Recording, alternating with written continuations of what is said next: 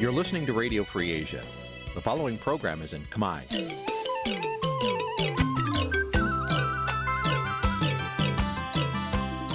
Nǐ chi càm bi tiệp xáy vệt chiu a zì sê ray នេះជាកម្មវិធីផ្សាយរបស់ Vithu Azisari ជាភាសាខ្មែរ វត្តឈូអាស៊ីសេរីសូមស្វាគមន៍លោកអ្នកនាងទាំងអស់ពីរដ្ឋធានី Washington នៃសហរដ្ឋអាមេរិកបាទខ្ញុំបាទយ៉ងច័ន្ទដារា សូមជម្រាបសួរលោកអ្នកនាងអ្នកស្ដាប់វិទ្យុអាស៊ីសេរីទាំងអស់ជាទីមេត្រីខ្ញុំបាទសូមជូនកម្មវិធីផ្សាយសម្រាប់ព្រឹកថ្ងៃសៅរ៍6កើតខែកដិកឆ្នាំថោះបัญចស័កពុទ្ធសករាជ2567ត្រូវនៅថ្ងៃទី18ខែវិច្ឆិកា គ្រិស្តសករាជ2023បាទជាដំបូងនេះសូមអញ្ជើញអស់លោកអ្នកនាងស្ដាប់ព័ត៌មានប្រចាំថ្ងៃដែលមានមេត្តាដូចតទៅ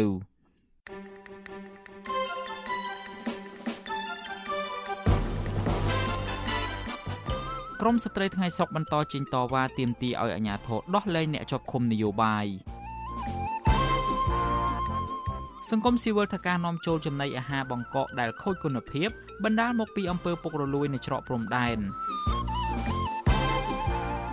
ក្រុមហ៊ុនកាយភ្នំធម្មជាតិនៅក្នុងខេត្តបាត់ដំបងប៉ះពាល់ប្រជាពលរដ្ឋជាច្រើនពាន់គ្រួសារបទវិភាគអំពីមូលហេតុដែលគណៈបកកណ្ដាលអំណាច ចងសម្ព័ន្ធភាពជាមួយនឹងគណៈបកតូចតូចរួមនឹងព័ត៌មានសំខាន់សំខាន់មួយចំនួនទៀត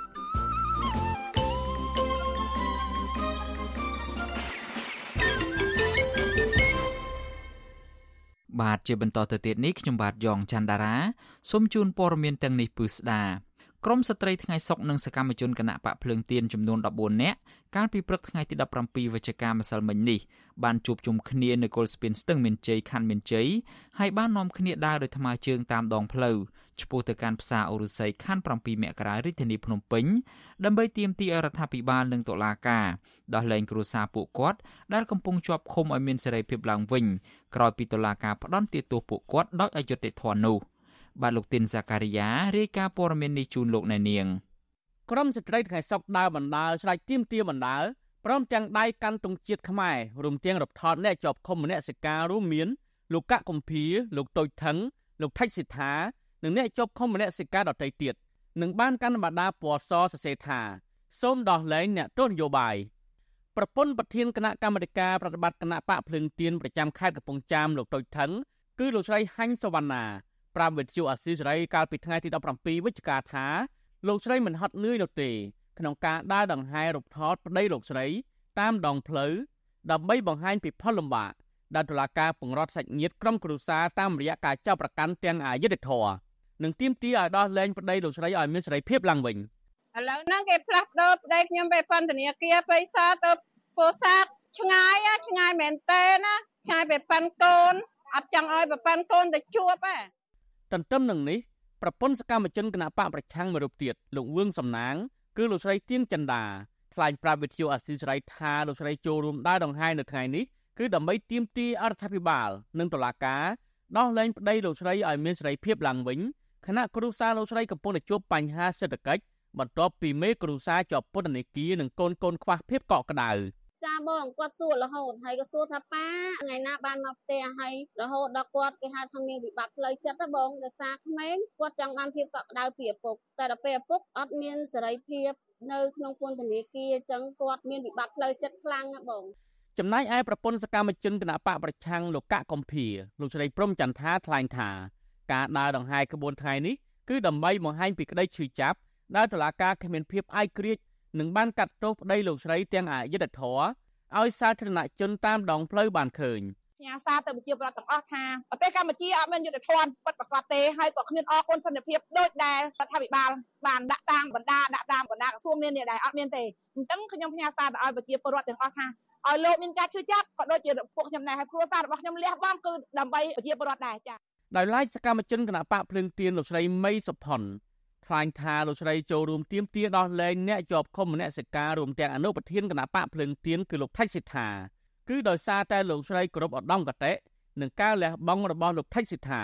ខ្ញុំកាន់វិខនេះគឺរូបថតគាត់នេះគឺចង់ឲ្យអន្តរជាតិសិទ្ធិមនុស្សនិងអង្គការផ្សេងផ្សេងសង្គមស៊ីវិលទាំងអស់ហ្នឹងឲ្យគាត់មើលឃើញនៃភាពអយុត្តិធម៌របស់គាត់ដែលគាត់ត្រូវជាប់ទោសដោយអត់មានកំហុសហើយមិនមែនតិចទៀតទាំងដែលគាត់អាយុច្រើនហើយគាត់មិនមែនតិចណាអាយុគាត់ហើយគាត់មានជំងឺទៀត វិទ្យុអសិរ័យពុំអាចតាក់ទងប្រធានអង្គភិបអ្នកនាំពាក្យរដ្ឋាភិបាលលោកប៉ែនបូណាដើម្បីសំការឆ្លើយតបជំវិញនឹងរឿងនេះបានឡើយទេកាលពីថ្ងៃទី17វិច្ឆិកាកន្លងទៅក្រមស្ត្រីថ្ងៃសុកធ្លាប់បានដាក់ញត្តិទៅស្ថានទូតប្រទេសប្រជាធិបតេយ្យធំធំរួមមានដូចជាអាមេរិកសហភាពអឺរ៉ុបជប៉ុនអូស្ត្រាលីព្រមទាំងការិយាល័យឧត្តមស្នងការអង្គការសហប្រជាជាតិទទួលបន្ទុកផ្នែកសិទ្ធិមនុស្សប្រចាំនៅកម្ពុជាជាដើមទោះជាយ៉ាងណាក្រមស្ត្រីថ្ងៃសុកតែងតែប្រឈមនឹងការគំរាមកំហែង និងការប្រើអំពើហិង្សាពីសំណាក់អាជ្ញាធរនិងក្រុមសន្តិសុខក៏ដោយក៏ពួកគាត់នៅតែមិនរីថយឡើយក្នុងការស្វែងរកយុត្តិធម៌ដល់ក្រុមគ្រួសារអ្នកកំពុងជាប់ឃុំទាំងអយុត្តិធម៌នេះខ្ញុំបាទទីនសាការីយ៉ាអស៊ីសេរីប្រធានាធិបតី Washington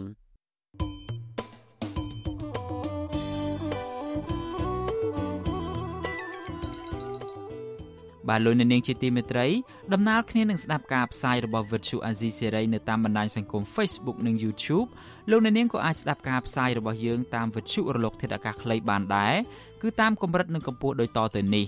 ពេលព្រឹកចាប់ពីម៉ោង5កន្លះដល់ម៉ោង6កន្លះតាមរយៈប៉ុស SW 93.90 MHz ស្មើនឹងកម្ពស់ 32m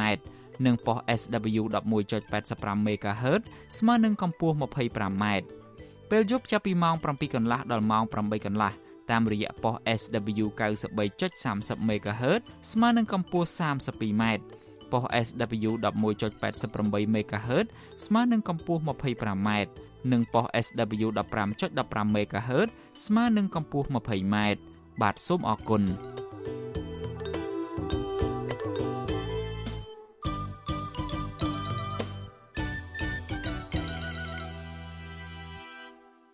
បាទលោកអ្នកនាងជាទីមេត្រីតកតងទៅនឹងសារនយោបាយរបស់លោកហ៊ុនម៉ាណែតវិញលោកហ៊ុនម៉ាណែតបានសម្ដែងក្តីព្រួយបារម្ភអំពីការផ្ទុះសង្គ្រាមដោយសារតែការរើសអើងនិងអំពើជ្រុលនិយមក្នុងសង្គមខ្មែរក៏ប៉ុន្តែមន្ត្រីគណៈបកប្រឆាំងនិងអ្នកតាមដានបញ្ហាសង្គមលើកឡើងថា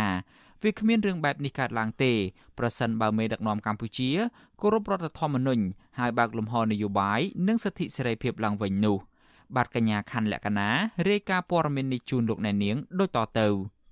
លោកនាយករដ្ឋមន្ត្រីហ៊ុនម៉ាណែតបដិញ្ញាលុបបំបាត់ទស្សនៈជ្រុលនិយមនិងការរើសអើងលើវិស័យសាសនានិងនយោបាយដោយលោកបារម្ភខ្លាចមានការផ្ទុះសង្គ្រាមកើតឡើងពីស្ថានភាពបែបនេះដែលនាំឲ្យបែកបាក់សាមគ្គីនៅក្នុងសង្គមជាតិការថ្លែងសាររបស់លោកហ៊ុនម៉ាណែតនេះធ្វើឡើងក្នុងពិធីស្រែកស្រពព្រះសុគន្ធវារី ប្រគេនព្រះមន្ត្រីសង្ឃជាន់ខ្ពស់នៃគណៈមហានិកាយចំនួន11អង្គនៅក្នុងវត្តមុនីសវណ្ណហៅវត្តចម្ពុះឯកក្នុងសង្កាត់ព្រែកថ្មីខណ្ឌច្បារអំពៅនៅថ្ងៃទី17វិច្ឆិកាក្នុងពិធីនោះលោកហ៊ុនម៉ាណែតបានថ្លែងសារអប់រំនិងបដិញ្ញាលុបបំបាត់សកម្មភាពរើសអើងនឹងគោលនយោបាយជ្រុលនិយមក្នុងសង្គមខ្មែរទាំងក្នុងវិស័យនយោបាយជំនឿសាសនា និងនិន្នាការមតិជាតិសាសន៍ផ្សេងផ្សេងអ្វីដែលកើតឡើងមុនគេគឺចំនួន នៅក្នុងចិត្តរបស់ប្រជាពលរដ្ឋការប្រកាន់ការរើសអើងការលៀបពណ៌គ្នា ការឲ្យស្អប់សជាតិនេះសាសនានោះឬមួយនេះគឺជាកត្តាដែលធ្វើឲ្យមនុស្សឈានទៅដល់ការស្អប់គ្នាហើយបើស្អប់គ្នាហើយមិនចាំបាច់មានអាវុធទេសំបីតែដៃតែដុំថ្មនឹងក៏អាចបង្កើតសង្គ្រាមបានដែរតែបើសិនជាមានភាពកក់ក្ដៅការយោគយល់គ្នាការស្រឡាញ់គ្នារក្សានៅសុខដុមរមណីយកម្ម បើកើតនៅជំហរក៏ដោយការគោរពគ្នាទៅវិញទៅមកនេះហើយគឺជាមូលដ្ឋានគ្រឹះនៃការគោរពគ្នានិងការយោគយល់គ្នាការទុកចិត្តគ្នា ដែលអាចឲ្យយើងថែរក្សាទៅសុខសន្តិភាពបានទីប្រឹក្សាគណៈបកកម្លាំងជាតិលោករងឈុនសាទរចំពោះការប្រកាសរបស់លោកហ៊ុនម៉ាណែតនេះថាជាគោលបំណងរបស់អ្នកនយោបាយបកប្រឆាំងនិងពលរដ្ឋចង់បាន។ ចំពោះសង្គ្រាមវិញលោកថា វាមិនអាចកើតឡើងទេបើរដ្ឋាភិបាលគោរពរដ្ឋធម្មនុញ្ញនិងដោះស្រាយអំពើអយុត្តិធម៌ក្នុងសង្គមបច្ចុប្បន្នតែយ៉ាងណាលោកជំរុញឲ្យលោកហ៊ុនម៉ាណែតត្រូវអនុវត្តជាក់ស្ដែងចំពោះការលើកឡើងនេះដោយគុំបានតែថ្លែងសារឲ្យពីរោះស្ដាប់ព្រោះកន្លងមកលោកក៏សម្គាល់ឃើញថា អ្នកដែលរើសអើងនិងលៀបពណ៌ពលរដ្ឋនិងបកប្រឆាំងនោះ គឺគណៈបកកណ្ដាលអំណាចអ្នកកាន់អំណាចតែងតែរកលេសនេះលេសនោះប្រើប្រព័ន្ធតឡាការយកមកដាក់គំនាបមកលើអ្នកដែលមានមតិផ្ទុយឬអ្នកនយោបាយនៅក្នុងបកប្រឆាំងចំណុចទាំងអស់នេះហើយខ្ញុំស្នើឲ្យបាទស្នើឲ្យលុបបំបត្តិចាប់ពីពេលនេះតទៅហើយសូមឲ្យ ដោះលែងអ្នកនយោបាយក៏ដូចជាសកម្មជន សង្គមនិងមេសហជីពដែលកំពុងជាប់ឃុំបាទជាប់ឃុំនៅពន្ធនាគារលោករងឈុនស្នើលោកហ៊ុនម៉ាណែតឲ្យបើកលំហសេរីភាពនយោបាយគោរពសិទ្ធិមនុស្សនិងដោះលែងលោកថៃស៊ីថា លោកកកុម្ភាកញ្ញាសេងធីរីកញ្ញាឈឹមស៊ីធនិងសកម្មជនផ្សេងផ្សេងទៀតឲ្យមានសេរីភាពវិញជាដើម។ អ្នកជំនាញផ្នែកវិទ្យាសាស្ត្រនយោបាយនិងកិច្ចការអន្តរជាតិលោកអែមសវណ្ណរាចាត់ទុកការប្រកាសរបស់នាយករដ្ឋមន្ត្រី ថាជារឿងល្អប៉ុន្តែដើម្បីឲ្យការប្រកាសលុបបំបាត់ការរើសអើងនិងលៀបពណ៌នយោបាយនេះបានទាមទារឲ្យមានយន្តការធ្វើនិងអនុវត្តចេញពីគណៈបកកាន់អំណាចខ្លួនឯងលោកក៏សម្គាល់ឃើញថាសម្បីតែមន្ត្រីមួយចំនួននៅក្នុងជួរគណៈបកប្រជាជនកម្ពុជាក៏មានការចោទប្រកាន់លៀបពណ៌គ្នាទៅវិញទៅមកដែរចំណែកពលរដ្ឋវិញ គ្រាន់តែចេញតវ៉ាទាមទារដំណោះស្រាយដីធ្លីរបស់ខ្លួនក៏រងការលៀបពណ៌ដែរហើយបញ្ហានេះដែលធ្វើឲ្យសង្គមកាន់តែប្រេះស្រាំឈានទៅបែកបាក់នោះអញ្ចឹងខ្ញុំគិតថាពលរដ្ឋសាមញ្ញពុំមានទៅលៀបពណ៌គណៈបកនេះគណៈបកនោះច្រើនគណៈបកកណ្ដាលជាលៀបពណ៌ប្រជាពលរដ្ឋឬក៏បកប្រឆាំងអីចឹងបាទទោះបីលោកហ៊ុនម៉ាណែតថ្លែងសារអប់រំ និងប្រកាសបដិញ្ញាបែបនេះក៏ដោយប៉ុន្តែសកម្មជនសិទ្ធិមនុស្សសកម្មជនសង្គមនិងអ្នកនយោបាយបកប្រឆាំងដែលមានមតិផ្ទុយតែងតែត្រូវបានរដ្ឋាភិបាលដឹកនាំដោយលោកហ៊ុនសែននិងលោកហ៊ុនម៉ាណែតលៀបពណ៌និងចោទប្រកាន់រួមទាំងតាមធ្វើទុកបុកម្នេញឥតឈប់ឈរផងដែរគិតមកដល់ពេលនេះមានសកម្មជនប្រមាណ70នាក់ហើយកំពុងជាប់ពន្ធនាគារក្រោមហេតុផលនយោបាយរីឯមេដឹកនាំគណៈបកប្រឆាំងនិងសកម្មជនមួយចំនួន ត្រូវបង្ខំចិត្តនិរទេសខ្លួនទៅក្រៅប្រទេសជាដើមខ្ញុំខណ្ឌលក្ខណាវិសុអេស៊ីសេរីអាស៊ីសេរីលោកអ្នកនាងកំពុងស្ដាប់ការផ្សាយរបស់វិទ្យុអាស៊ីសេរីពីរដ្ឋធានី Washington នៃសហរដ្ឋអាមេរិកគណៈបកប្រជាជនកម្ពុជា បានកាន់អំណាចប្រមាណ40ឆ្នាំមកហើយក៏ប៉ុន្តែគណៈបកមួយនេះហាក់មិនទុកចិត្តខ្លួនឯងនៅឡើយទេ គណៈបកនេះបានស្វាស្វែងប្រម៉ែប្រមូលគណៈបកតូចតូចឲ្យមកនៅក្រោមការត្រួតត្រារបស់ខ្លួនឥឡូវនេះគណៈបកប្រជាជនកម្ពុជារបស់លោកហ៊ុនសែនមានគណៈបកជិត30ជាសម្ព័ន្ធមិត្តរបស់ខ្លួនលោកហ៊ុនសែនបានចងសម្ព័ន្ធភាពជាមួយគណៈបកតូចតូចនេះគឺនៅស្របពេលដែលគណៈបកភ្លើងទៀនដែលជាបកប្រឆាំងធំជាងគេនៅកម្ពុជា បានចងសម្ព័ន្ធភាពជាមួយគណៈបក3ផ្សេងទៀតដើម្បីត្រៀមប្រកួតប្រជែងការបោះឆ្នោតនៅពេលខាងមុខ តើហេតុអ្វីបានជាលោកហ៊ុនសែនចងសម្ព័ន្ធភាពជាមួយគណៈបកតូចតូចផ្សេងទៀតបែបនេះបាទលោកអ្នកនាងនឹងបានស្ដាប់បទវិភាគអំពីរឿងនេះនៅក្នុងកម្មវិធីផ្សាយរបស់យើង នៅពេលបន្តិចទៀតនេះ។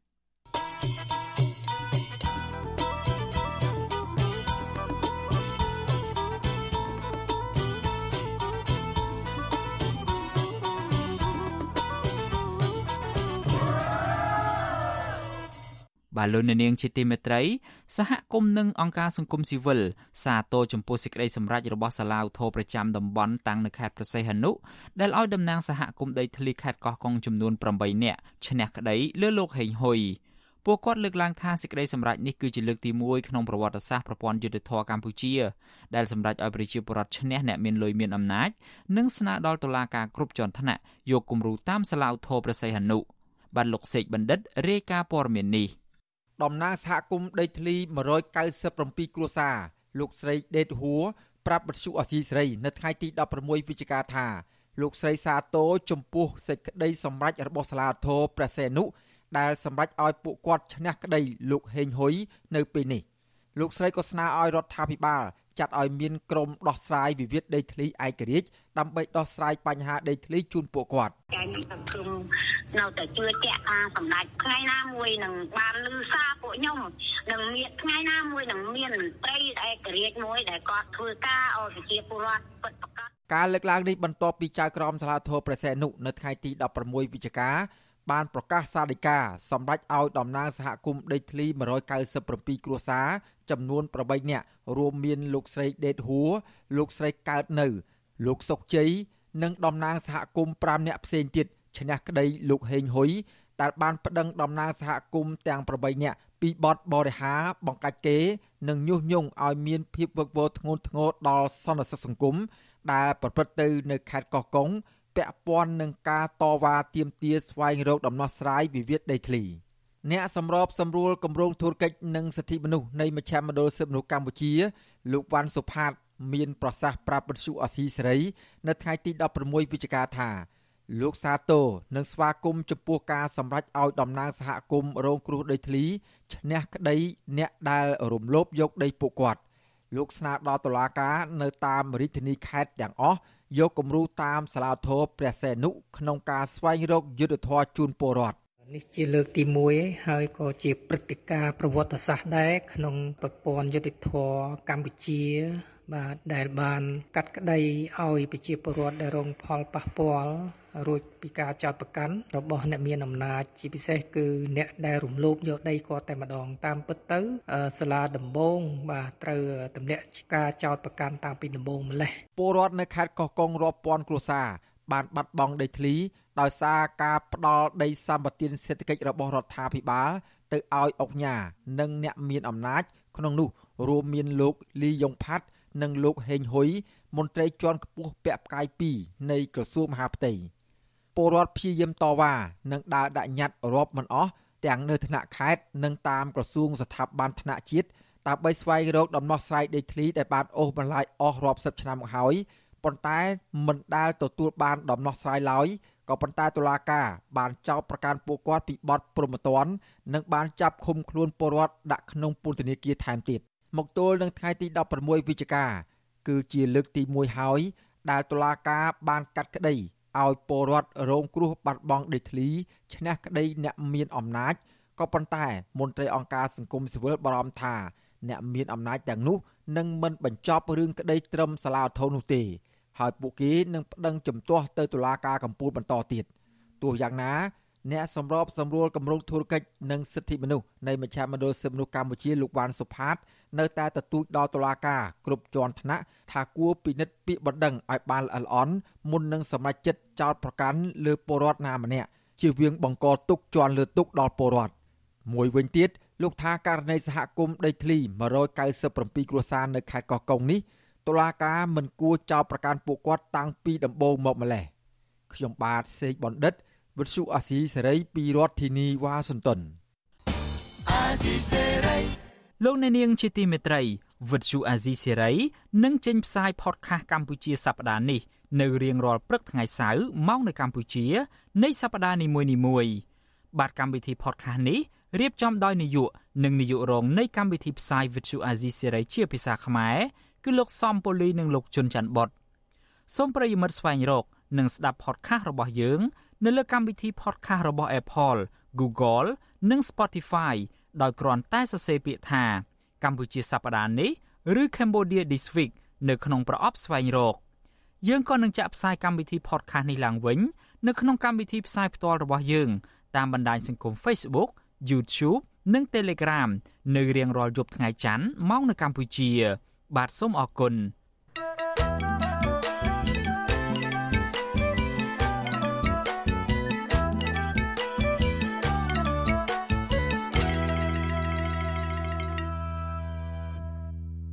លោកអ្នកនាងកំពុងស្ដាប់ការផ្សាយរបស់ Vuthu Azizi Serai ពីរដ្ឋធានី Washington នៃសហរដ្ឋអាមេរិកយើងងាកមកចាប់អារម្មណ៍ពាក់ព័ន្ធទៅនឹងបញ្ហាបំណុលរបស់ប្រជាពលរដ្ឋឯនេះវិញ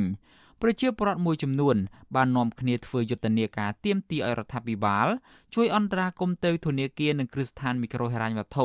ឲ្យពន្យាពេលសងបំណុលរយៈពេល1ឆ្នាំ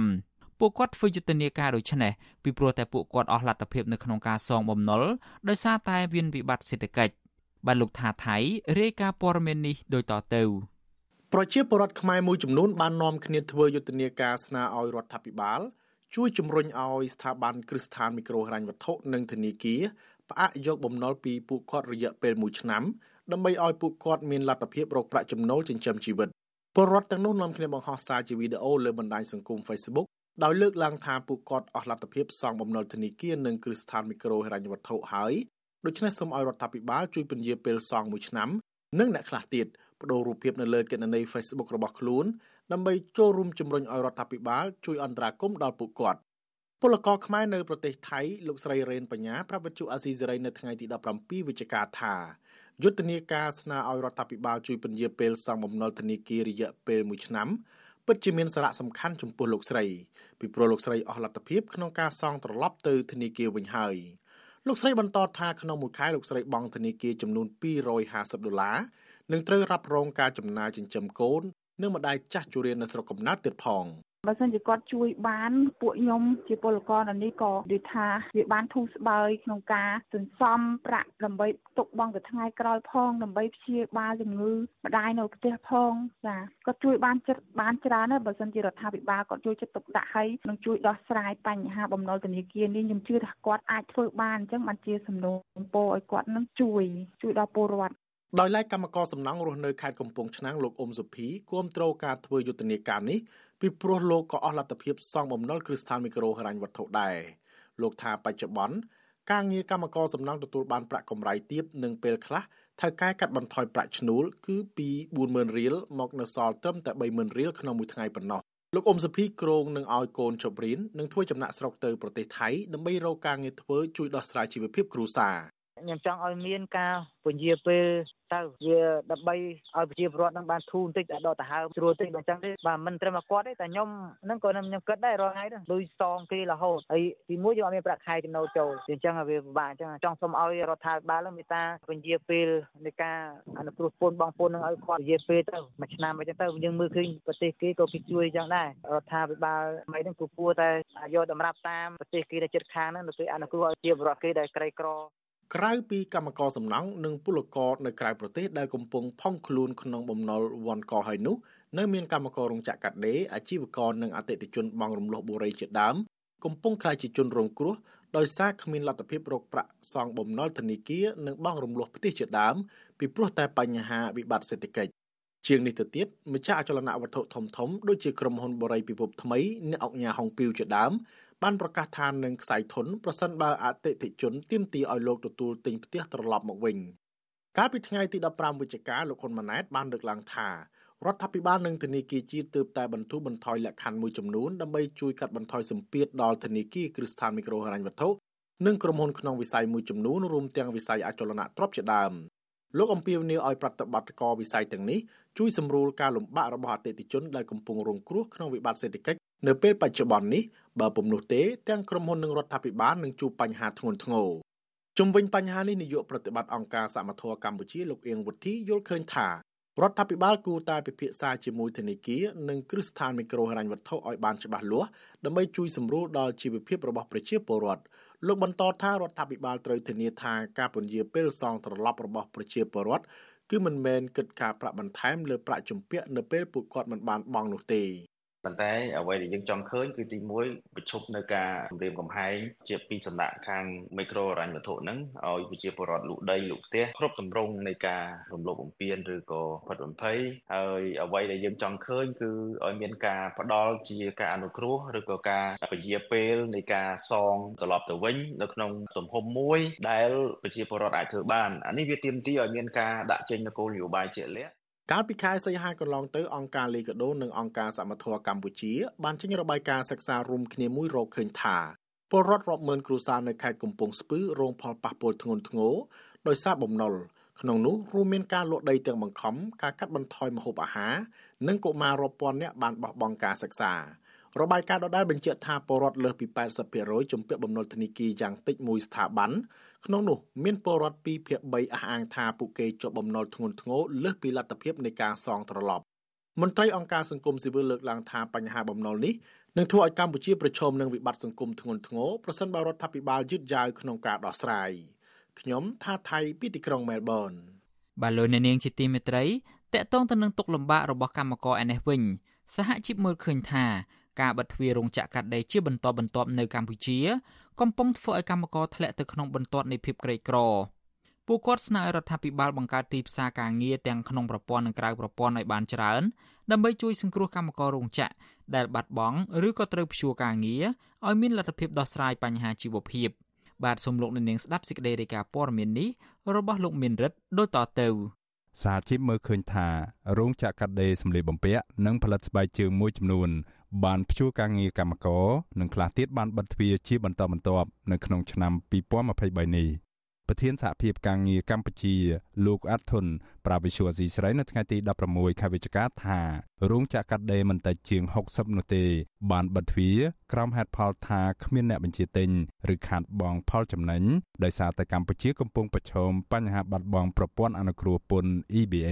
របស់សហភាពអឺរ៉ុបនិងការមិនបន្តសុពលភាពប្រព័ន្ធអនុគ្រោះពន្ធ GSP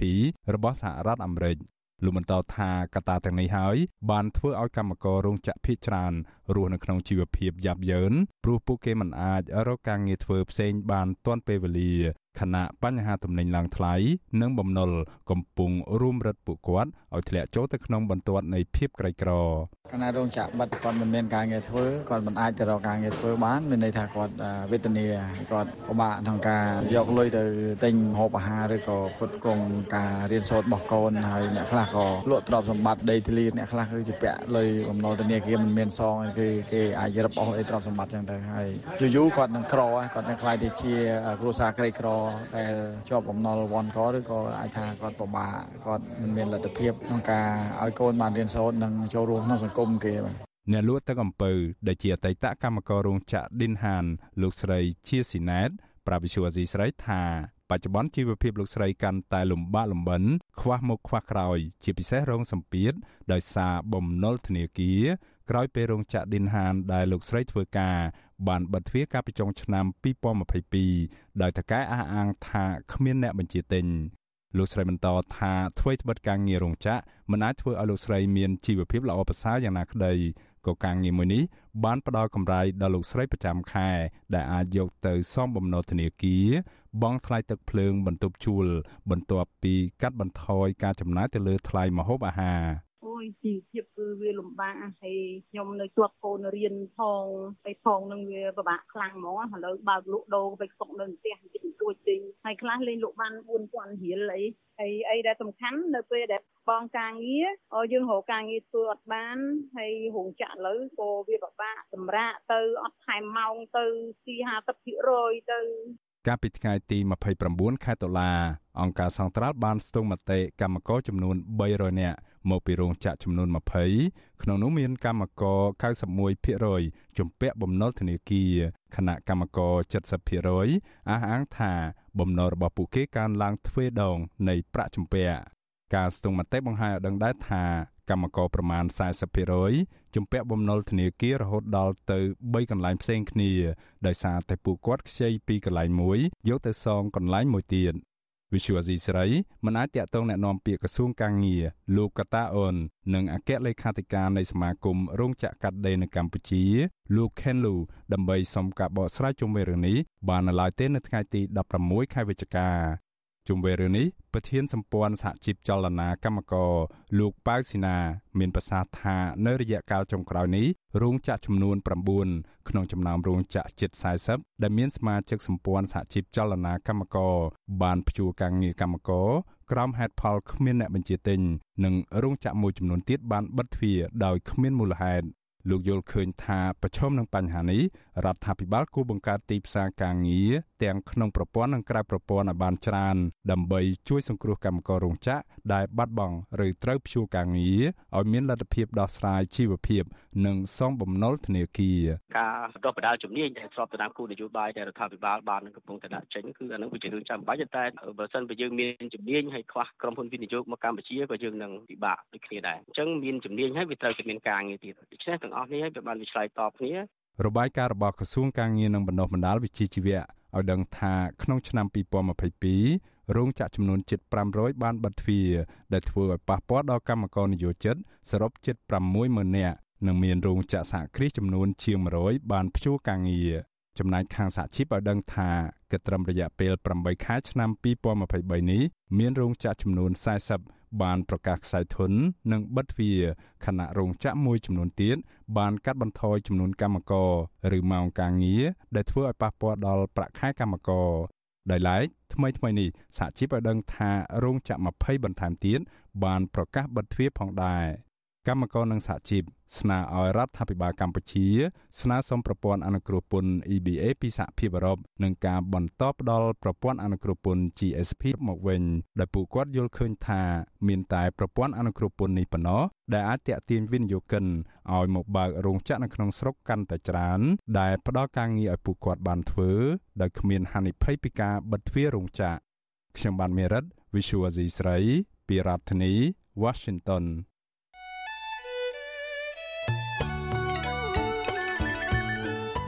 លោកអ្នកនាងជាទីមេត្រីវិទ្យុអាស៊ីសេរីចាប់ផ្ដើមដំណើរការផ្សាយផ្ទាល់កម្មវិធីព័ត៌មានទាំងពេលព្រឹកនិងពេលយប់ជាផ្លូវការនៅលើបណ្ដាញសង្គមថ្មីមួយទៀតគឺបណ្ដាញសង្គម Telegram ចាប់ពីខែមេសាឆ្នាំ2023នេះតទៅលោកអ្នកនាងអាចស្វែងរក Telegram ផ្លូវការរបស់វិទ្យុអាស៊ីសេរីដោយស្វែងរកពាក្យថាវិទ្យុអាស៊ីសេរីឬក៏ RFA ខ្មែរនៅលើទូរស័ព្ទដៃរបស់លោកអ្នកនាង បាទ Telegram ផ្លូវការរបស់ Vithu Azizi Serai មានសញ្ញា Tick ជាសញ្ញាសម្គាល់បាទក្រុមការងាររបស់ Vithu Azizi Serai នឹងព្យាយាមរិះរកមធ្យោបាយថ្មីថ្មីបន្ថែមទៀតដើម្បីផ្ដល់ភាពងាយស្រួលដល់លោកអ្នកនាងកញ្ញានៅក្នុងការស្ដាប់ និងទស្សនាការផ្សាយព័ត៌មានរបស់យើង បាទសូមអរគុណ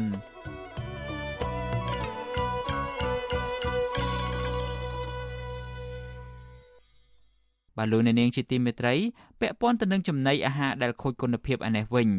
មន្ត្រីអង្គការសង្គមស៊ីវិលលើកឡើងថាការលួចនាំចូលចំណីអាហារដែលខូចគុណភាព និងផ្ទុកសារធាតុគីមីហាមឃាត់នៅតាមច្រកព្រំដែននៅតែកើតមានដោយសារតែការសោកប៉ាន់រវាងឈ្មួញនិងមន្ត្រីប្រចាំការនៅទីនោះពួកគាត់លើកឡើងថាករណីនេះគឺជារឿងសំខាន់ដែលប៉ះពាល់ដល់អាយុជីវិត និងសុខភាពរបស់ប្រជាពលរដ្ឋជាច្រើនអ្នក ដូច្នេះអាជ្ញាធរត្រូវតែស៊ើបអង្កេតនិងរកឲ្យឃើញអ្នកប្រព្រឹត្តអំពើពុករលួយយកមកដាក់ទោសតាមផ្លូវច្បាប់ បាទលោកលេងម៉ាលីរាយការណ៍ព័ត៌មាននេះ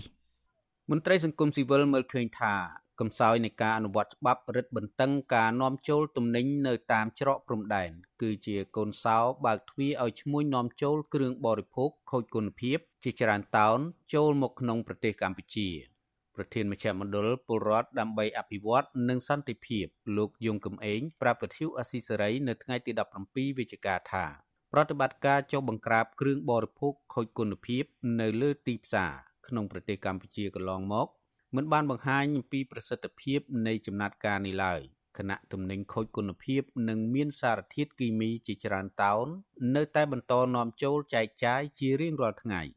មិនមែនគ្រាន់តែចាប់ហើយយើងនៅស្ងាត់ចឹងទេបាទត្រូវមើលថាសមត្ថកិច្ចណាដែលទូកត្រូវតាមព្រំដែនហើយច្រកចូលមកនោះបាទយើងឲ្យគាត់ធ្វើការបំភ្លឺទៅថាហេតុអីបានជាអាចនាំចូលមករົບតោនបាទបើសិនជា1គីឡូ2គីឡូយើងថាគេលាក់បានណាចាបាទអានេះតោនណាបាទរົບតោនណាបាទហើយមន្ត្រីមួយមួយដែលមុននឹងទៅកាន់ដូចជាមន្ត្រីកម្មគងត្រូលក្តីអីក្តីហ្នឹងហើយមន្ត្រីជំនាញផ្សេងផ្សេងទៀតគឺសុទ្ធតែបដោះបដាលជំនាញច្បាស់លាស់ចាហេតុអីបានជាគាត់អត់ដឹងថាអាតំណែងនៅរបៀបម៉េចបាទ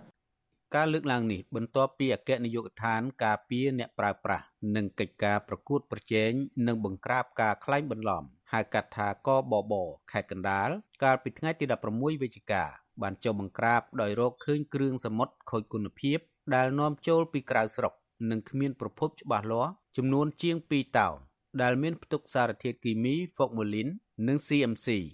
ដោយឡែកនៅខណ្ឌមានជ័យ កបបបានខាត់ទុកផលិតផលសាច់បង្កកដែលពុំមានប្រភពច្បាស់លាស់និងឯកសារត្រឹមត្រូវជិត5តោនកាលពីដើមខែតុលាសមាគមអ្នកចិញ្ចឹមសត្វកម្ពុជារកឃើញសាច់បង្កកគ្រឿងសមុទ្រដែលមានតម្លៃថោកនិងខូចគុណភាពនាំចូលពីក្រៅប្រទេសត្រូវបានចែកចាយនិងផ្គត់ផ្គង់នៅតាមអាហារដ្ឋានមួយចំនួន ដោយឈ្មោះទុច្ចរិតតាមរូបភាពផ្សេងៗដែលធ្វើឲ្យប៉ះពាល់ដល់តម្លៃកសិផលក្នុងស្រុក និងប៉ះពាល់ដល់សុខភាពអ្នកបរិភោគពាក់ព័ន្ធនឹងការនាំចូលគ្រឿងបរិភោគពីក្រៅប្រទេសនេះលោកនាយករដ្ឋមន្ត្រីហ៊ុនម៉ាណែតកាលពីថ្ងៃទី13វិច្ឆិកាបានជំរុញឲ្យក្រសួងស្ថាប័នពាក់ព័ន្ធបង្កើនការត្រួតពិនិត្យនិងពង្រឹងហាមឃាត់ការនាំចូលចំណីអាហារនិងសាច់បង្កកខូចគុណភាព និងខុសច្បាប់នានាចូលមកទីផ្សារកម្ពុជា ដោយមានការស្នើសុំពីសមាគមអ្នកចិញ្ចឹម។ ទោះជាបែបនេះក្តីរបាយការណ៍របស់អគ្គនាយកដ្ឋាន ការពារអ្នកប្រើប្រាស់កិច្ចការប្រកួតប្រជែងនិងបង្ក្រាបការក្លែងបន្លំឲ្យដឹងថាក្នុងរយៈពេល9ខែដើមឆ្នាំ2023នេះមន្ត្រីជំនាញនៃកបបបានរឹបអូសសាច់បង្កកចម្រុះខូចគុណភាព មានផ្ទុកសារធាតុគីមីហាមឃាត់និងមេរោគចម្លង រហូតទៅដល់ជិត2000តោនដែលចំនួននេះកើនឡើង15%បើប្រៀបធៀបនឹងរយៈពេលដូចគ្នា កាលពីឆ្នាំ2022វិទ្យុអស៊ីសេរីមិនអាចតាក់ទងแนะនាំពាក្យក្រសួងពាណិជ្ជកម្មលោកប៉ែនសូវិជាតិនិងអគ្គនាយកដ្ឋានការពារអ្នកប្រើប្រាស់កិច្ចការប្រកួតប្រជែងនិងបង្ក្រាបការក្លែងបន្លំលោកផានអូនដើម្បីសុំការបកស្រាយបន្ថែមជុំវិញបញ្ហានេះបានទេ នៅថ្ងៃទី17វិច្ឆិកាដោយសារទូរស័ព្ទដែលបានហៅទៅត្រូវបានចុចបិទជុំវិញរឿងនេះនាយកប្រតិបត្តិអង្គការសមត្ថធម៌លោកអៀងវុធីយល់ឃើញថា កម្ពុជាហាក់បានក្លាយជាទីផ្សារដ៏ពេញនិយមមួយសម្រាប់នាំចូលបន្លែ ផ្លែឈើត្រីសាច់ដែលខូចគុណភាពឬមានផ្ទុកសារធាតុគីមីពីប្រទេសជិតខាងដោយសារតែរបស់នាំចូលទាំងនោះមានតម្លៃថោកខណៈដែលប្រជាពលរដ្ឋមួយចំនួននៅមិនទាន់មានការយល់ដឹងអំពីសុវត្ថិភាពចំណីអាហារឲ្យបានទូលំទូលាយលោកលើកឡើងថាករណីនាំចូលចំណីអាហារខុសច្បាប់ទាំងនេះជាការទទួលខុសត្រូវរបស់អាជ្ញាធរនៅច្រកព្រំដែន ដែលទទួលសំណូកពីឈ្មួញទុច្ចរិតក្នុងការអនុញ្ញាតឲ្យនាំចូលទំនិញខូចគុណភាព រហូតដល់រាប់តោនដូចនេះប្រសិនបើផលិតផលមួយចំនួន ដែលជាផលិតផលដែលមានតម្លៃខ្ពស់ហើយបែរជា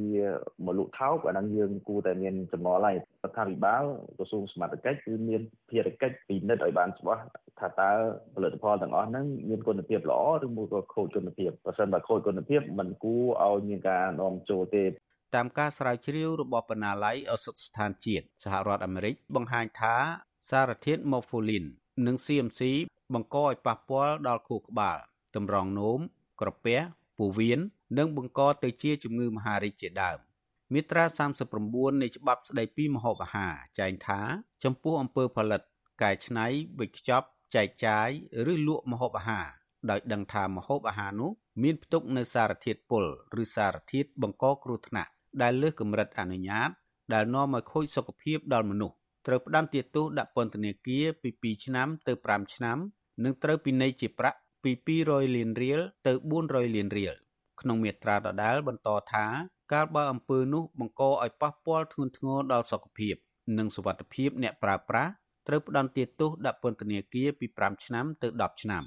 ចំពោះការបង្កឲ្យមានពិការភាពអចិន្ត្រៃយ៍ឬបាត់បង់អាយុជីវិតរបស់អ្នកប្រើប្រាស់ ត្រូវផ្តន្ទាទោសដាក់ពន្ធនាគារពី7ទៅ15ឆ្នាំដោយមិនទាន់គិតពីទោសព្រំទាន់ផ្សេងទៀតមន្ត្រីសង្គមស៊ីវិលស្នើដល់អាជ្ញាធរឲ្យលុបបំបាត់អំពើពុករលួយនៅច្រកព្រំដែននិងចុះធ្វើអធិការកិច្ចទៅលើមន្ត្រីប្រចាំការដែលទទួលសំណូកពីឈ្មោះទុច្ចរិតព្រោះនេះមិនមែនជាលើកទី1នោះទេសម្រាប់ការនាំចូលបន្លែផ្លែឈើត្រីសាច់ដែលខូចគុណភាព និងផ្ទុកសារធាតុគីមីហាមឃាត់មកចែកចាយក្នុងស្រុក ដែលធ្វើឲ្យប៉ះពាល់ដល់សុខភាពប្រជាពលរដ្ឋរាប់លាននាក់ខ្ញុំបាទលេងម៉ាលីវិទ្យុអស៊ីសេរី Washington បាទលោកអ្នកនាងជាទីមេត្រីយើងងាកមកចាប់អារម្មណ៍ពាក់ព័ន្ធទៅនឹងបញ្ហាកុមារនេះវិញអង្គការ UNICEF នឹងធ្វើពិធីអបអរទិវាកុមារពិភពលោកនៅឯខេត្តក្រចេះនៅថ្ងៃទី20ខែវិច្ឆិកាខាងមុខដើម្បីបង្កើនសម្លេងរបស់កុមារនិងយុវជនក្នុងនាមជាអ្នកស្វែងរកមតិគាំទ្រសិទ្ធិកុមារនៅកម្ពុជា អង្គការ UNICEF គឺជាផ្នែកមួយរបស់អង្គការសហប្រជាជាតិធ្វើការលើកកម្ពស់ការអភិវឌ្ឍនិងសុខភាពរបស់កុមារប្រធានអង្គការ UNICEF ប្រចាំនៅកម្ពុជាលោកបណ្ឌិត Will Parks មានប្រសាសន៍នៅក្នុងសេចក្តីប្រកាសព័ត៌មានកាលពីថ្ងៃទី17វិច្ឆិកាថាការរៀបចំទិវាអបអរសាទរកុមារពិភពលោកនេះគឺដើម្បីផ្ដល់ឱកាសនិងបង្កើតភាពជាដៃគូថ្មីជាមួយបណ្ដាញយុវជនសិល្បករនិងអាជ្ញាធរមូលដ្ឋាន ដែលបានរួមកម្លាំងគ្នាក្នុងការលើកកម្ពស់ការយល់ដឹងរបស់កុមារលោករំលឹកថាកុមារប្រឈមទៅនឹងផលលំបាកជាច្រើនដូចជារងគ្រោះពីកំណើននៃចំនួននិងគ្រោះមហន្តរាយបរិស្ថានទូទាំងពិភពលោកកុមារកម្ពុជាបច្ចុប្បន្នកំពុងប្រឈមគ្រោះថ្នាក់បរិស្ថាននិងបណ្ដាលឲ្យប៉ះពាល់ធ្ងន់ធ្ងរដល់សិទ្ធិជាមូលដ្ឋានរបស់ពួកគាត់រួមទាំងសិទ្ធិរស់រានមានជីវិតនិងលូតលាស់ផងដែរកុមារអាយុក្រោម5ឆ្នាំម្នាក់ក្នុងចំណោម5នាក់បានស្លាប់ដោយសារការបំពុលខ្យល់ លោកបណ្ឌិតវិលផាកមានប្រសាសន៍បន្ថែមថារយៈពេលមួយទសវត្សរ៍កន្លងទៅនេះកម្ពុជាបានបដិញ្ញាចិត្តពង្រឹងសិទ្ធិកុមារប៉ុន្តែបញ្ហាប្រឈមរបស់កុមារនៅតែកើតមានអង្គការ UNICEF បានបដិញ្ញាចិត្តពេញលេញនៅក្នុងការដោះស្រាយបញ្ហានិងលើកកម្ពស់សិទ្ធិពង្រឹងសុខុមាលភាពរបស់កុមារដែលងាយរងគ្រោះទិវាកុមារពិភពលោកគឺជាទិវាសកម្មភាពជាសកលសម្រាប់កុមារដឹកនាំដោយកុមារ ទិវានេះគឺដើម្បីរំលឹកពីការអនុម័តអនុសញ្ញាស្តីពីសិទ្ធិកុមារដែលប្រព្រឹត្តទៅកាលពីថ្ងៃទី20វិច្ឆិកាឆ្នាំ1989កម្ពុជាបានផ្ដល់សច្ចាប័នលើអនុសញ្ញានេះកាលពីឆ្នាំ1992អង្គការ UNICEF និងដៃគូអំពាវនាវឲ្យពិភពលោកត្រូវរួមគ្នាដើម្បីលើកកម្ពស់សិទ្ធិការពារនិងសម្លេងរបស់កុមារដោយមិនត្រូវទុកកុមារណាម្នាក់ចោលដើម្បីគ្រប់គ្រងឈានទៅសម្រេចបាននូវអនាគតរបស់កុមារ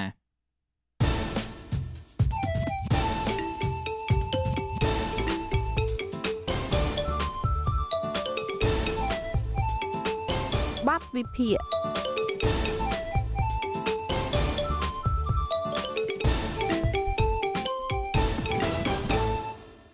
លោកអ្នកនាងកំពុងស្ដាប់ការផ្សាយរបស់ Vuthu Azizi Serai ពីរដ្ឋធានី Washington នៃសហរដ្ឋអាមេរិកគណៈបកប្រជាជនកម្ពុជា បានកាន់អំណាចប្រមាណ40ឆ្នាំមកហើយក៏ប៉ុន្តែគណៈបកមួយនេះហាក់មិនទុកចិត្តខ្លួនឯងនៅឡើយទេ គណៈបកនេះបានស្វាស្វែងប្រម៉ែប្រមូលគណៈបកតូចតូចឲ្យមកនៅក្រោមការត្រួតត្រារបស់ខ្លួនឥឡូវនេះគណៈបកប្រជាជនកម្ពុជារបស់លោកហ៊ុនសែនមានគណៈបកជិត30ជាសម្ព័ន្ធមិត្តរបស់ខ្លួន។លោកហ៊ុនសែនបានចងសម្ព័ន្ធភាពជាមួយគណៈបកតូចតូចនេះគឺនៅស្របពេលដែលគណៈបកភ្លើងទៀនដែលជាបកប្រឆាំងធំជាងគេនៅកម្ពុជា បានចងសម្ព័ន្ធភាពជាមួយគណៈបក3ផ្សេងទៀតដើម្បីត្រៀមប្រកួតប្រជែងការបោះឆ្នោតនៅពេលខាងមុខ តើហេតុអ្វីបានជាលោកហ៊ុនសែនចងសម្ព័ន្ធភាពជាមួយគណៈបកតូចតូចផ្សេងទៀតបែបនេះបាទសូមលោកអ្នកនាងស្ដាប់បទវិភាគរបស់លោកទីនហ្សាការីយ៉ាអំពីបញ្ហានេះដូចតទៅអតីតនាយករដ្ឋមន្ត្រីលហ៊ុនសែនបានផ្ទេរអំណាចឲ្យកូនគឺលោកហ៊ុនម៉ាណែតបានដូចបំណងដោយពុំមានឧបសគ្គអ្វីនោះឡើយទោះបីជាលោកហ៊ុនសែនបានប្រកល់អំណាចឲ្យលោកហ៊ុនម៉ាណែតបានដោយជោគជ័យក្តីក៏លោកហ៊ុនសែនហាក់នៅមិនទាន់ស្ងប់ចិត្តនោះឡើយជាផ្លូវការបើទោះបីជាលោកហ៊ុនសែន លែងមានទូរនទីជាប្រមុខរដ្ឋាភិបាលក៏ដោយក៏លោកហាក់នៅក្តោបក្តាប់អំណាចនៅក្នុងដៃយ៉ាងណែនដដែលតាមការសង្កេតលោកហ៊ុនសែនបានរៀបចំផែនការកាន់កាប់អំណាចនេះហាក់ខ្លាំងជាងពេលមុនថែមទៀតផងលោកបែងចែកទូនាទីឲ្យកូនចៅរបស់លោកដឹកនាំស្ថាប័នសំខាន់សំខាន់ជាច្រើន ជាក់ស្ដែងលោកហ៊ុនម៉ាណែត ជានាយករដ្ឋមន្ត្រីលោកហ៊ុនម៉ាណីជារដ្ឋមន្ត្រីក្រសួងមុខងារសាធារណៈដែលគ្រប់គ្រងមន្ត្រីរាជការស៊ីវិលទាំងមូលកូនរបស់លោកមួយរូបទៀតគឺលោកហ៊ុនម៉ាណិត កាន់ខាងចារកម្មនៅក្រសួងការពារជាតិនិងជាមេបញ្ជាការរងកងទ័ពជើងគោកក្រៅពីនេះទៀតកូនប្រសាររបស់លោកក៏មានទូនាទីដឹកនាំក្រសួងស្ថាប័ននិងកូនស្រីរបស់លោកគឺអ្នកស្រីហ៊ុនម៉ាណែតបានក្តោបក្តាប់មុខចំនួនធំធំជាច្រើនកន្លែងនៅកម្ពុជា របាយការណ៍របស់អង្គការឃ្លាំមើលពិភពលោក Global Witness បានចេញរបាយការណ៍ស្ដីពីការក្តោបក្តាប់សេដ្ឋកិច្ចកម្ពុជារបស់ត្រកូលហ៊ុនតាមរយៈការរំលោភច្បាប់និងសិទ្ធិមនុស្ស ដោយមិនមានការស៊ើបអង្កេតណាមួយពីស្ថាប័នរដ្ឋនោះឡើយរបាយការណ៍នេះបញ្ជាក់ថាក្រុមគ្រួសារត្រកូលហ៊ុនប្រើប្រាស់អំណាចដើម្បីក្តោបក្តាប់សេដ្ឋកិច្ចកម្ពុជាដែលមានតម្លៃវ៉ាលានដុល្លារសហរដ្ឋអាមេរិកទោះបីជាលោកហ៊ុនសែននិងកូនចៅរបស់លោក បានក្តោបក្តាប់អំណាចរួមទាំងមុខចំនួនពេញដៃបែបនេះក្តីក៏លោកហ៊ុនសែនហាក់នៅមិនទាន់ស្ងប់ចិត្តនិងមិនទុកចិត្តខ្លួនឯងនោះឡើយកាលពីខែតុលាកន្លងទៅនេះ លោកបានគៀកគណៈបកនយោបាយចំនួន27គណៈបកក្នុងនោះមានគណៈបកខ្លះមិនទាំងដែលធ្វើសកម្មភាពអ្វីសោះផងក៏លោកហ៊ុនសែនប្រមូលយកមកឲ្យនៅក្រមឃ្លៀករបស់គណៈបកប្រជាជនកម្ពុជា ក្រមការត្រួតត្រារបស់លោកថែមទៀតផងដោយលោកបានចង់សម្ព័ន្ធភាពជាមួយគណៈបកទាំង27នេះនេះជាលើកទី1ហើយនឹងជាប្រវត្តិសាស្ត្រ ដែលគណៈបកកណ្ដាលអំណាចបានចង់សម្ព័ន្ធភាពជាមួយគណៈបកនយោបាយនៅក្រៅរដ្ឋាភិបាលជាទ្រង់ទ្រាយធំបែបនេះលោកហ៊ុនសែនចង់សម្ព័ន្ធភាពនេះមិនមែនជារឿងចៃដន្យនោះឡើយលោកហ៊ុនសែនមានគោលដៅជាក់លាក់ក្នុងការចង់សម្ព័ន្ធភាព ការចងសម្ព័ន្ធភាពនេះនៅស្របពេលក្រុមគណៈបកប្រឆាំងបានចងសម្ព័ន្ធភាពនឹងគ្នាដែរបញ្ហានេះតាមមើលទៅលោកហ៊ុនសែនចង់ទប់ស្កាត់ចលនាគណៈបកនៅក្រៅរដ្ឋាភិបាលមិនឲ្យរួបរวมគ្នាផង និងចង់ឲ្យគណៈបកនៅក្រៅរដ្ឋាភិបាលមួយចំនួនទៀតរត់មកនៅក្រោមឃ្លៀករបស់លោកផង និងដើម្បីងាយស្រួលគ្រប់គ្រងជាធម្មតាគណៈបកនៅក្រៅរដ្ឋាភិបាលឬគណៈបកប្រឆាំងស្វះស្វែងចងសម្ព័ន្ធភាពនឹងគ្នា ដើម្បីមានកម្លាំងខ្លាំងឬមានអ្នកគាំទ្រច្រើនដើម្បីប្រកបប្រជែងជាមួយគណៈបកកណ្ដាលអំណាចឧទាហរណ៍ដូចជាគណៈបកសិទ្ធិមនុស្សនិងគណៈបកសំរងស៊ីបញ្ចង់សម្ព័ន្ធភាពនឹងគ្នា ហើយចូលរួមការបោះឆ្នោតកាលពីឆ្នាំ2013ជាដើម ក៏ប៉ុន្តែសម្រាប់គណៈបកប្រជាជនកម្ពុជាលហ៊ុនសែនដែលចង់សម្ព័ន្ធភាពជាមួយគណៈបកទាំង27ផ្សេងទៀតនៅពេលនេះតើលោកហ៊ុនសែនមានបំណងអ្វីពិតប្រាកដនៅត្រង់ចំណុចនេះលោកហ៊ុនសែនបានសារភាពនៅក្នុងពិធីចងសម្ព័ន្ធភាពជាមួយគណៈបកតូចតូចទៅនោះថាគណៈបកប្រជាជនកម្ពុជារបស់លោក មានធនធានមនុស្សនិងថវិកាគ្រប់គ្រាន់ហើយប៉ុន្តែលោកចង់រួបរวมនៅពេលនេះគឺចង់បង្រួបបង្រួមនិងឲ្យតម្លៃគណៈបកតូចតូចទាំងនោះ ដោយស្មើភាពគ្នា ការចងសម្ព័ន្ធភាពនេះ គឺខ្ញុំសូមបញ្ជាក់ឲ្យបានច្បាស់ថាគណៈបកទាំងអស់មិនស្ថិតនៅក្រោមការគ្រប់គ្រងរបស់បកណាមួយនោះទេអ្នកទាំងអស់គ្នាគឺជាដៃគូស្មើភាពស្មើសិទ្ធិជាមួយគ្នាគណៈបកទាំងអស់មិនមែនចំណុះគណៈបកប្រជាជនទេក៏ប៉ុន្តែយើងស្ម័គ្រចិត្ត នឹងធ្វើកិច្ចសហប្រតិបត្តិការជាមួយគ្នាទោះបីថាគណៈបកប្រជាជនកំពុងកាន់អំណាចមានធនធានមនុស្សធនធានហិរញ្ញវត្ថុច្រើនលើសលប់បើប្រៀបធៀបជាមួយគណៈបកផ្សេងក៏ប៉ុន្តែយើងមិនបានចាត់ទុកគណៈបកទាំងអស់ថាជាគណៈបកដែលតូចតាចនោះទេ ដែលហៅថាគណៈបកនយោបាយស្របច្បាប់គឺវាមានគេថាសិទ្ធិដូចគ្នាអ្វីដែលគួរឲ្យអស់សំណើចនោះ គឺថាបើសិនជាលោកហ៊ុនសែនពិតជាឲ្យគុណតម្លៃលើភាពស្មើគ្នានៃគណៈបកនយោបាយមែននោះលោកប្រកាសជាមិនរំលាយចោលគណៈបកសង្គ្រោះជាតិកាលពីឆ្នាំ2017ឡើយពាក្យដែលលោកហ៊ុនសែនថាបើកសិទ្ធិសេរីភាពដល់គណៈបកនយោបាយដោយស្មើស្មើគ្នានេះទំនងគ្រាន់តែនិយាយឲ្យល្អមើលប៉ុណ្ណោះអ្វីជាការកត់សម្គាល់នោះលោកហ៊ុនសែនបើកឱកាសឲ្យតែគណៈបកណាដែលមិនមានប្រជាប្រិយភាពចូលរួមការបោះឆ្នោតតែប៉ុណ្ណោះ ដូចជាគណៈបកសម្បុកឃុំសង្គមប្រជាធិបតេយ្យគណៈបករូបរមជាតិនិងគណៈបកទើបបង្កើតថ្មីថ្មីមួយចំនួនទៀតចូលរួមការបោះឆ្នោតកាលពីខែកក្កដាឆ្នាំ2013ជាដើមរីឯគណៈបកភ្លើងទៀនដែលជាគណៈបកប្រឆាំងចុងក្រោយគេនោះបែជាកោជបដែលស្ថិតនៅក្រោមអធិបុលរបស់អតីតនាយករដ្ឋមន្ត្រីមិនអនុញ្ញាតឲ្យចូលរួមការបោះឆ្នោតនោះទេ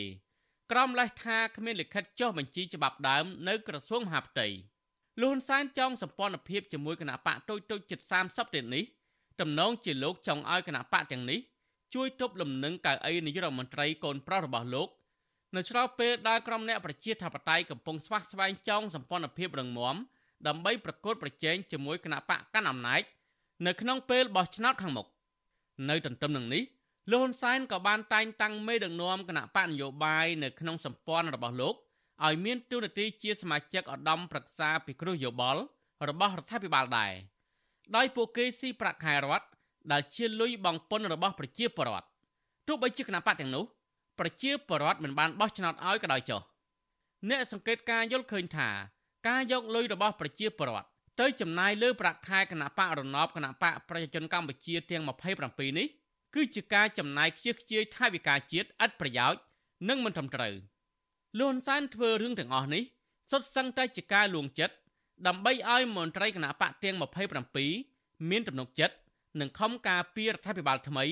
ដែលដឹកនាំដោយកូនប្រុសរបស់លោកគឺលោកហ៊ុនម៉ាណែតដែលលោកនៅមិនទាន់មានទំនុកចិត្តលើកូនប្រុសរបស់លោកទាំងស្រុងនោះម្យ៉ាងវិញទៀតការបង្កើតសម្ព័ន្ធភាពជាមួយគណៈបកដតីរបស់លោកហ៊ុនសែននៅពេលនេះក៏ទំនងជាលោកភ័យខ្លាចគណៈបកទុយទុយរួមគ្នាហើយចង់សម្ព័ន្ធជាមួយគណៈបកប្រឆាំង ឬកម្លាំងអ្នកប្រជាធិបតេយ្យដែលអាចជាការគំរាមកំហែងដល់គណៈបកប្រជាជនកម្ពុជារបស់លោកដូច្នេះលោកហ៊ុនសែនមិនបានបង្អង់យូរឡើយក្រោយពីឃើញគណៈបកភ្លឹងទៀនរៀបចំចង់សម្ព័ន្ធជាមួយគណៈបកដទៃទៀតនោះលោកក៏ប្រញាប់ប្រញាល់ប្រមូលគណៈបកតូចតូចដល់គណៈបកខ្លះមិនដាល់ធ្វើសកម្មភាពផងនោះមកបង្កើតជាសម្ព័ន្ធដើម្បីត្រៀមទប់ទល់ជាមួយកម្លាំងអ្នកប្រជាធិបតេយ្យ ជីវិតរបស់លោកហ៊ុនសែនហាក់ស្ថិតនៅក្នុងភាពភ័យខ្លាចជាប់រហូតបើទោះជាលោកបានផ្ទេរអំណាចឲ្យកូនប្រុសរបស់លោកហើយក្តីអ្វីដែលលោកទំនងជាភ័យខ្លាចនៅពេលនេះគឺកម្លាំងអ្នកប្រជាធិបតេយ្យរួមគ្នាជាសម្ព័ន្ធคล้ายជាគណៈបកប្រឆាំងដ៏រឹងមាំនិងមានប្រជាប្រិយភាពដោយពេលគណៈបកសំរងស៊ីនិងគណៈបកសិទ្ធិមនុស្សបានរួមគ្នាคล้ายជាគណៈបកសង្គ្រោះជាតិដែលបានឈ្នះអាសនៈចំនួន55អាសនៈ នៅក្នុងការបោះឆ្នោតសកលកាលពីឆ្នាំ2013នេះហើយគឺជាមូលហេតុពិតប្រាកដដែលបង្ខំឲ្យលោកហ៊ុនសែនបង្គាប់ឲ្យតុលាការកំពូលរំលាយគណៈបកសង្គ្រោះជាតិចោលដោយអយុត្តិធម៌នោះខ្ញុំបាទទីនសាការីយ៉ាអស៊ីសេរីពីរដ្ឋធានី Washington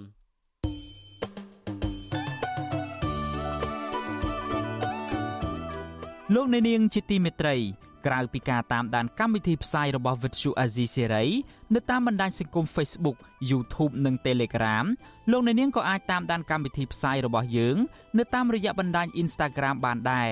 តាមរយៈតំណ link ដែលមានអាស័យដ្ឋាន www.instagram.com/rfa ខ្មែរអាស៊ីសេរីបន្តខិតខំផ្សព្វផ្សាយព័ត៌មានពិតទៅកាន់បងប្អូនតាមរយៈបណ្ដាញសង្គមផ្សេងផ្សេងនិងសម្បូរបែប ដើម្បីឲ្យលោកអ្នកនាងងាយស្រួលតាមដានកម្មវិធីផ្សាយរបស់អាស៊ីសេរីគ្រប់ពេលវេលា និងគ្រប់ទីកន្លែង តាមរយៈទូរស័ព្ទរបស់លោកអ្នកនាង បាទសូមអរគុណ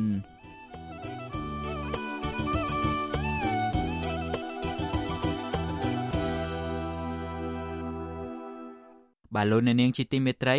នៅឯខេត្តបាត់ដំបងឯណោះវិញក្រមយុវជនរកឃើញថា សកម្មភាពកាយកំទេចភ្នំតាក្រៀមនិងភ្នំធម្មជាតិជាច្រើនទៀតដែលជាអត្តសញ្ញាណភូមិកំណើតរបស់អ្នកស្រុកបាណន់កាន់តែរីករាលដាលធំឡើងដែលបង្កផលប៉ះពាល់ដល់ពលរដ្ឋជាច្រើនពាន់គ្រួសារនៅតំបន់នោះបាទការលើកឡើងបែបនេះគឺក្រោយពេលដែលពួកគាត់បានចុះស្រាវជ្រាវនិងប្រមូលព័ត៌មានអំពីបច្ចុប្បន្នភាពនៃអាជីវកម្មកាយភ្នំបង្កឡើងដោយក្រុមហ៊ុនឯកជន និងបុគ្គលមានលុយមានអំណាចបាទសូមលោកអ្នកនាងស្ដាប់សេចក្តីរាយការណ៍ដាច់ដライមួយទៀតរបស់លោកសេកបណ្ឌិត អំពីរឿងនេះដូចតទៅក្រមយុវជនរស់នៅរាជធានីភ្នំពេញនិងខេត្តបាត់ដំបងទាមទាររដ្ឋាភិបាលពិនិត្យឡើងវិញ ពីអាជីវកម្មរំលាយភ្នំតាក្រៀមនិងភ្នំជាច្រើនទៀតដើម្បីយកដីនឹងថ្មស្ថិតនៅក្នុងស្រុកបាណន់ខេត្តបាត់ដំបងដែលពួកគាត់ចោទថាខ្វះតម្លាភាពពួកគាត់រកឃើញថាអាញាធរខេត្តនេះមិនយកចិត្តទុកដាក់ដោះស្រាយទុកកង្វល់របស់ប្រជាពលរដ្ឋជាច្រើនពាន់គ្រួសារដែលរងផលប៉ះពាល់ដោយផ្ទាល់ នៅជុំវិញភ្នំទាំងនេះទេរីឯពលរដ្ឋជិត1000គ្រួសារទៀតរស់នៅក្នុងភូមិប៉ោយស្វាយនិងភូមិតាក្រៀមក្នុងឃុំតាក្រៀមត្អូញត្អែពីការបាត់បង់កន្លែងអាស្រ័យផលព្រៃឈើកន្លែងខ្វៀលគោនិងជំរកសត្វព្រៃនៅតាមបណ្ដោយជើងភ្នំ។ក្រមយុវជនរស់នៅខេត្តបាត់ដំបងកញ្ញាខេមរារស្មីប្រាប់បទសុអសីសេរីថាអាជីវកម្មការយកដីនិងថ្មរំលេចភ្នំទាំងនេះបង្កប់ភាពមិនប្រក្រតីជាច្រើន ហើយសំណូមពរទាំងឡាយរបស់ប្រជាពលរដ្ឋមិនទាន់ឃើញអាជ្ញាធរដោះស្រាយនៅឡើយទេកញ្ញាបន្ថែមថាបច្ចុប្បន្នគ្រឿងចាក់ជាច្រើនគ្រឿងកំពុងមមាញឹកបំផ្ទុះថ្ម និងរថយន្តដឹកថ្មរាប់សិបគ្រឿងទៀតបើកយ៉ាងលឿនកាត់មុខផ្ទះពលរដ្ឋកើតមានគ្រោះថ្នាក់ចរាចរណ៍ជាញឹកញាប់កញ្ញាបារម្ភថាបរិស្ថានធម្មជាតិជុំវិញផ្ទះអ្នកភូមិដែលធ្លាប់ស្រស់បំព្រងហុំព័ទ្ធទៅដោយព្រៃភ្នំបែរជាបាត់បង់នៅចំនួននេះ នឹងយើងចង់ឲ្យអាជ្ញាធរគាត់បង្ហាញនៅតម្លាភាពបើមិនជាគាត់យកអានឹងទៅអភិវឌ្ឍឬក៏ធ្វើផ្លូវថ្នល់អីសូមគាត់បង្ហាញជាទូទៅឲ្យប្រជាពលរដ្ឋថ្នល់អីយើងដឹងទាំងអស់គ្នាក៏ប៉ុន្តែជាក់ស្ដែងឥឡូវហ្នឹងយើងអត់ដឹងថាគាត់យកដីហ្នឹងទៅលក់ជាកម្មសិទ្ធិឯកជនឬក៏ជាការអភិវឌ្ឍម្យ៉ាងវិញទៀតយើងសោកស្ដាយដោយសារតែ តំបន់ភ្នំវាជាតំបន់ប្រវត្តិសាស្ត្រមួយសម្រាប់ជនជាតិយើងអញ្ចឹងណាបើមិនជាវាបាត់បង់ទៅដោយដោយការប្រើប្រាស់មិនមានដំណាភាពអាហ្នឹងវាជារឿងមួយដែលដែលយើងទទួលយកអត់បានទេបងក្រមយុវជនរកឃើញថាកាលពីមិនទាន់មានវត្តមានក្រុមហ៊ុនកាយថ្មភ្នំ ទេសភាពតាមជើងភ្នំសម្បូរទៅដោយព្រៃឈើសត្វព្រៃនិងកន្លែងខ្វៀលគោក្របី របស់អ្នកស្រុកបាណន់ជាច្រើនពាន់គ្រួសារក៏ប៉ុន្តែបច្ចុប្បន្នតំបន់នោះត្រូវក្រុមហ៊ុនឯកជនយ៉ាងហោចណាស់ចំនួន5 ដណ្ដើមគ្នាពុះចែកភ្នំទ្រូងទ្រាយធំ កាន់តែច្រើនឡើង នៅរយៈពេលជាង5ឆ្នាំចុងក្រោយនេះបន្ថែមពីលើនេះទៀតពលរដ្ឋជាច្រើនគ្រួសាររស់នៅតាមជើងភ្នំ រំខានដោយសម្លេងក្របរំសេវបំផ្ទុះថ្ម មានជាតិគីមីហូរច្រោះចូលដីស្រែចម្ការប៉ះពាល់ដល់ផលដំណាំកសិកម្មរបស់ពួកគាត់រីឯពលរដ្ឋមួយចំនួនទៀតបានផ្លាស់ប្ដូរទីលំនៅដោយសារពួកគាត់មិនអាចទ្រាំនឹងផលប៉ះពាល់នេះ ពលរដ្ឋរស់នៅក្នុងភូមិប៉ោយស្វាយឃុំតាក្រៀមលោកឆាយភៅថ្លែងថា នៅពេលក្រុមហ៊ុនបំផ្ទុះថ្មភ្នំម្ដងម្ដងផ្ទះរបស់លោក នៅគៀកនឹងជើងភ្នំញ័រខ្ទោធ្វើឲ្យប្រេះជញ្ជាំងផ្ទះលោកសោកស្ដាយក្រោយពីមានវត្តមានក្រុមហ៊ុនទាំងនេះអ្នកភូមិបាត់បង់កន្លែងខ្វៀលគោរោគប្រាក់ចិញ្ចឹមជីវិត និងបាត់បង់វិស័យទេសចរ ទើបើវាប្រះផ្ទះប្រះអីប៉ុណ្ណឹងបើយ៉ាប់អាកន្លែងគោកន្លែងពេស៊ីទាំងអីដើមមានខ្វះអីកន្លែងហ្នឹងតែឥឡូវគេបង្កើតកន្លែងថ្មមកគេគេបិទកន្លែងគេហ្នឹងគេធ្វើលបងធ្វើអីគោពេអីចូលមិនបានប៉ុណ្ណឹងចាប់តាំងពីឆ្នាំ2021មកទល់នឹងពេលនេះពលរដ្ឋរាប់រយនាក់បានស្រែកតវ៉ាបិទផ្លូវជាច្រើនដងដើម្បីរារាំងមិនឲ្យរថយន្តរបស់ក្រុមហ៊ុន ដឹកថ្មឆ្លងកាត់ភូមិឋានរបស់ពួកគាត់ ធធ្វើឲ្យហុយធូលីដីប៉ះពាល់ដល់សុខភាពពលរដ្ឋនិងកុមារមានជំងឺផ្លូវដង្ហើមអ្នកភូមិស្នើឲ្យអាជ្ញាធរផ្អាកសកម្មភាពក្រុមហ៊ុនទាំងនេះក៏ប៉ុន្តែគ្មានបានផលឡើយមកទួលនឹងពីនេះសកម្មជនចលនាមេដាធម្មជាតិលោកថនរដ្ឋាដែលចុះទៅអង្កេតរឿងនេះរកឃើញថាពលរដ្ឋមួយចំនួន ដែលរងផលប៉ះពាល់ពីអាជីវកម្មកាយភ្នំ ខ្លះបាក់ទឹកចិត្តខ្លះខឹងសម្បានឹងអាញាធរហើយបង្ខំចិត្តធ្វើចំណាក់ស្រុកជាបន្តបន្ទាប់ លោកថាអ្នកភូមិជាច្រើនពាន់គ្រួសារមិនសប្បាយចិត្តនឹងសកម្មភាពកាយកំទេចភ្នំទាំងនេះទេហើយផលប្រយោជន៍ដែលអ្នកភូមិធ្លាប់ទទួលបានពីធនធានធម្មជាតិគឺធ្លាក់ទៅលើដៃក្រុមហ៊ុនឯកជន និងអ្នកមានអំណាច។ អ្វីដែលសំខាន់ជាងគេនោះគឺការកាយព្រំនេះគឺបានធ្វើឲ្យពួកគាត់ភាកច្រើនហ្នឹងគឺបានបាត់បង់មុខរបរតាមរយៈការទាញយកអនុផល ពីភ្នំទាំងអស់នោះមានដូចជាការទៅរត់តពាំងទៅរោអីផ្សេងផ្សេងនៅនៅភ្នំទាំងអស់ហ្នឹងដែលធ្វើឲ្យប្រជាជនភាគច្រើនហ្នឹងបានធ្វើចំណាក់ស្រុកចេញពីភូមិឋានរបស់ពួកគាត់ដើម្បីទៅរកការងារធ្វើនៅខេត្តផ្សេងផ្សេងជាពិសេសហ្នឹងគឺទៅប្រទេសថៃបាទក្រុមហ៊ុនដែលធ្វើសកម្មភាពកាយថ្មភ្នំចំនួន7ទីតាំងផ្សេងគ្នា នៅតំបន់ភ្នំតាក្រៀមរួមមានក្រុមហ៊ុនហេងឆាត ក្រុមហ៊ុននីមេងក្រុមហ៊ុនតាំងថៃឡុងក្រុមហ៊ុនធីឡុងនិងបុគ្គលមានលុយមានអំណាចមួយចំនួនទៀតវិទ្យុអស៊ីសេរីនៅពុំទាន់អាចតាក់ទងសុំការបំភ្លឺពីតំណាងក្រុមហ៊ុនទាំងនេះបាននៅឡើយទេ នៅថ្ងៃទី17វិច្ឆិការីឯអភិបាលខេត្តបាត់ដំបងលោកសុកលូនិងអ្នកនាំពាក្យក្រសួងរ៉ែលោកអឹងឌីបូឡាក៏មិនទាន់អាចតាក់ទងបានដែរនៅថ្ងៃដដែលនេះ ដោយទូរស័ព្ទហៅចូលតែគ្មានអ្នកទទួលក៏ប៉ុន្តែមេឃុំតាក្រៀមលោកនៃពៅ មានប្រសាសន៍ថាក្រុមហ៊ុនដែលកំពុងធ្វើអាជីវកម្មកាយភ្នំចូលរួមជួយកសាងផ្លូវនិងអភិវឌ្ឍមូលដ្ឋានមួយចំនួន ហើយក្រុមប្រឹក្សាឃុំ បានប្រជុំពិភាក្សាគ្នា ស្នើឲ្យក្រុមហ៊ុនបន្តស្ថាបនាផ្លូវចាក់បេតុងបន្ថែមទៀតដើម្បីសម្រួលការធ្វើដំណើររបស់ពលរដ្ឋដែលរងផលប៉ះពាល់លោកបដិសេធមិនឆ្លើយនឹងសំណួរថា តើមានពលរដ្ឋប៉ុន្មានគ្រួសារក្នុងឃុំតាក្រៀមផ្លាស់ប្ដូរទីលំនៅ និងធ្វើចំណាក់ស្រុកដោយលោកហាងថាលោកមិនបានដឹងអំពីរឿងនេះទេនោះនឹងយើងលើកជារៀងរាល់ខែអត់ដែលខានពាក់ព័ន្ធនឹងបញ្ហាផលប៉ះពាល់ទាំងដីហើយទាំងប៉ះពាល់នឹងការបាច់ផងអីចឹងណាជុំវិញរឿងនេះមន្ត្រីសម្របសម្រួលសមាគមការពារសិទ្ធិមនុស្សអាត6ខេត្តបាត់ដំបងលោកយិនមេងលីសង្កេតឃើញថាវិបត្តិស្ថានភាពនេះ កើតឡើងជាច្រើនអាណត្តិមកហើយពលរដ្ឋបានស្រែកតវ៉ាជាច្រើនដងប៉ុន្តែគ្មានដំណោះស្រាយនោះទេ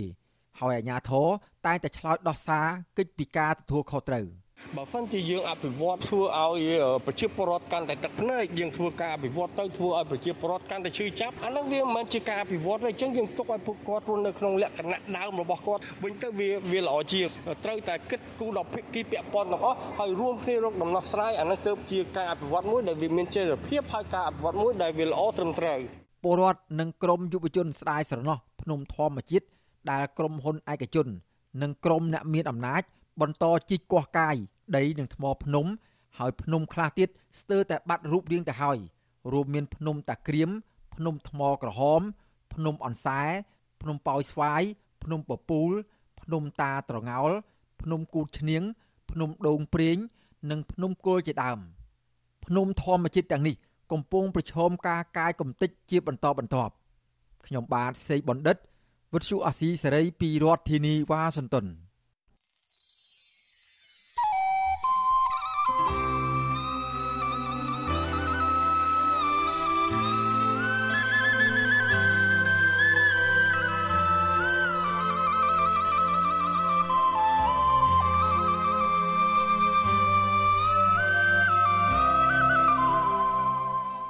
លោកអ្នកនាងជាទីមេត្រីការផ្សាយរយៈពេល1ម៉ោងរបស់ Vuthu Azizi Serai នៅព្រឹកនេះចប់ត្រឹមតែប៉ុណ្ណេះយើងខ្ញុំសូមជូនពរដល់លោកអ្នកនាងព្រមទាំងក្រុមគ្រួសារទាំងអស់ឲ្យជួបប្រកបតែនឹងសេចក្តីសុខចម្រើនរុងរឿងកុំបីឃ្លៀងឃ្លាតឡើយខ្ញុំបាទយ៉ងច័ន្ទដារាព្រមទាំងក្រុមការងារទាំងអស់នៃ Vuthu Azizi Serai សូមអរគុណនិងសូមជម្រាបលា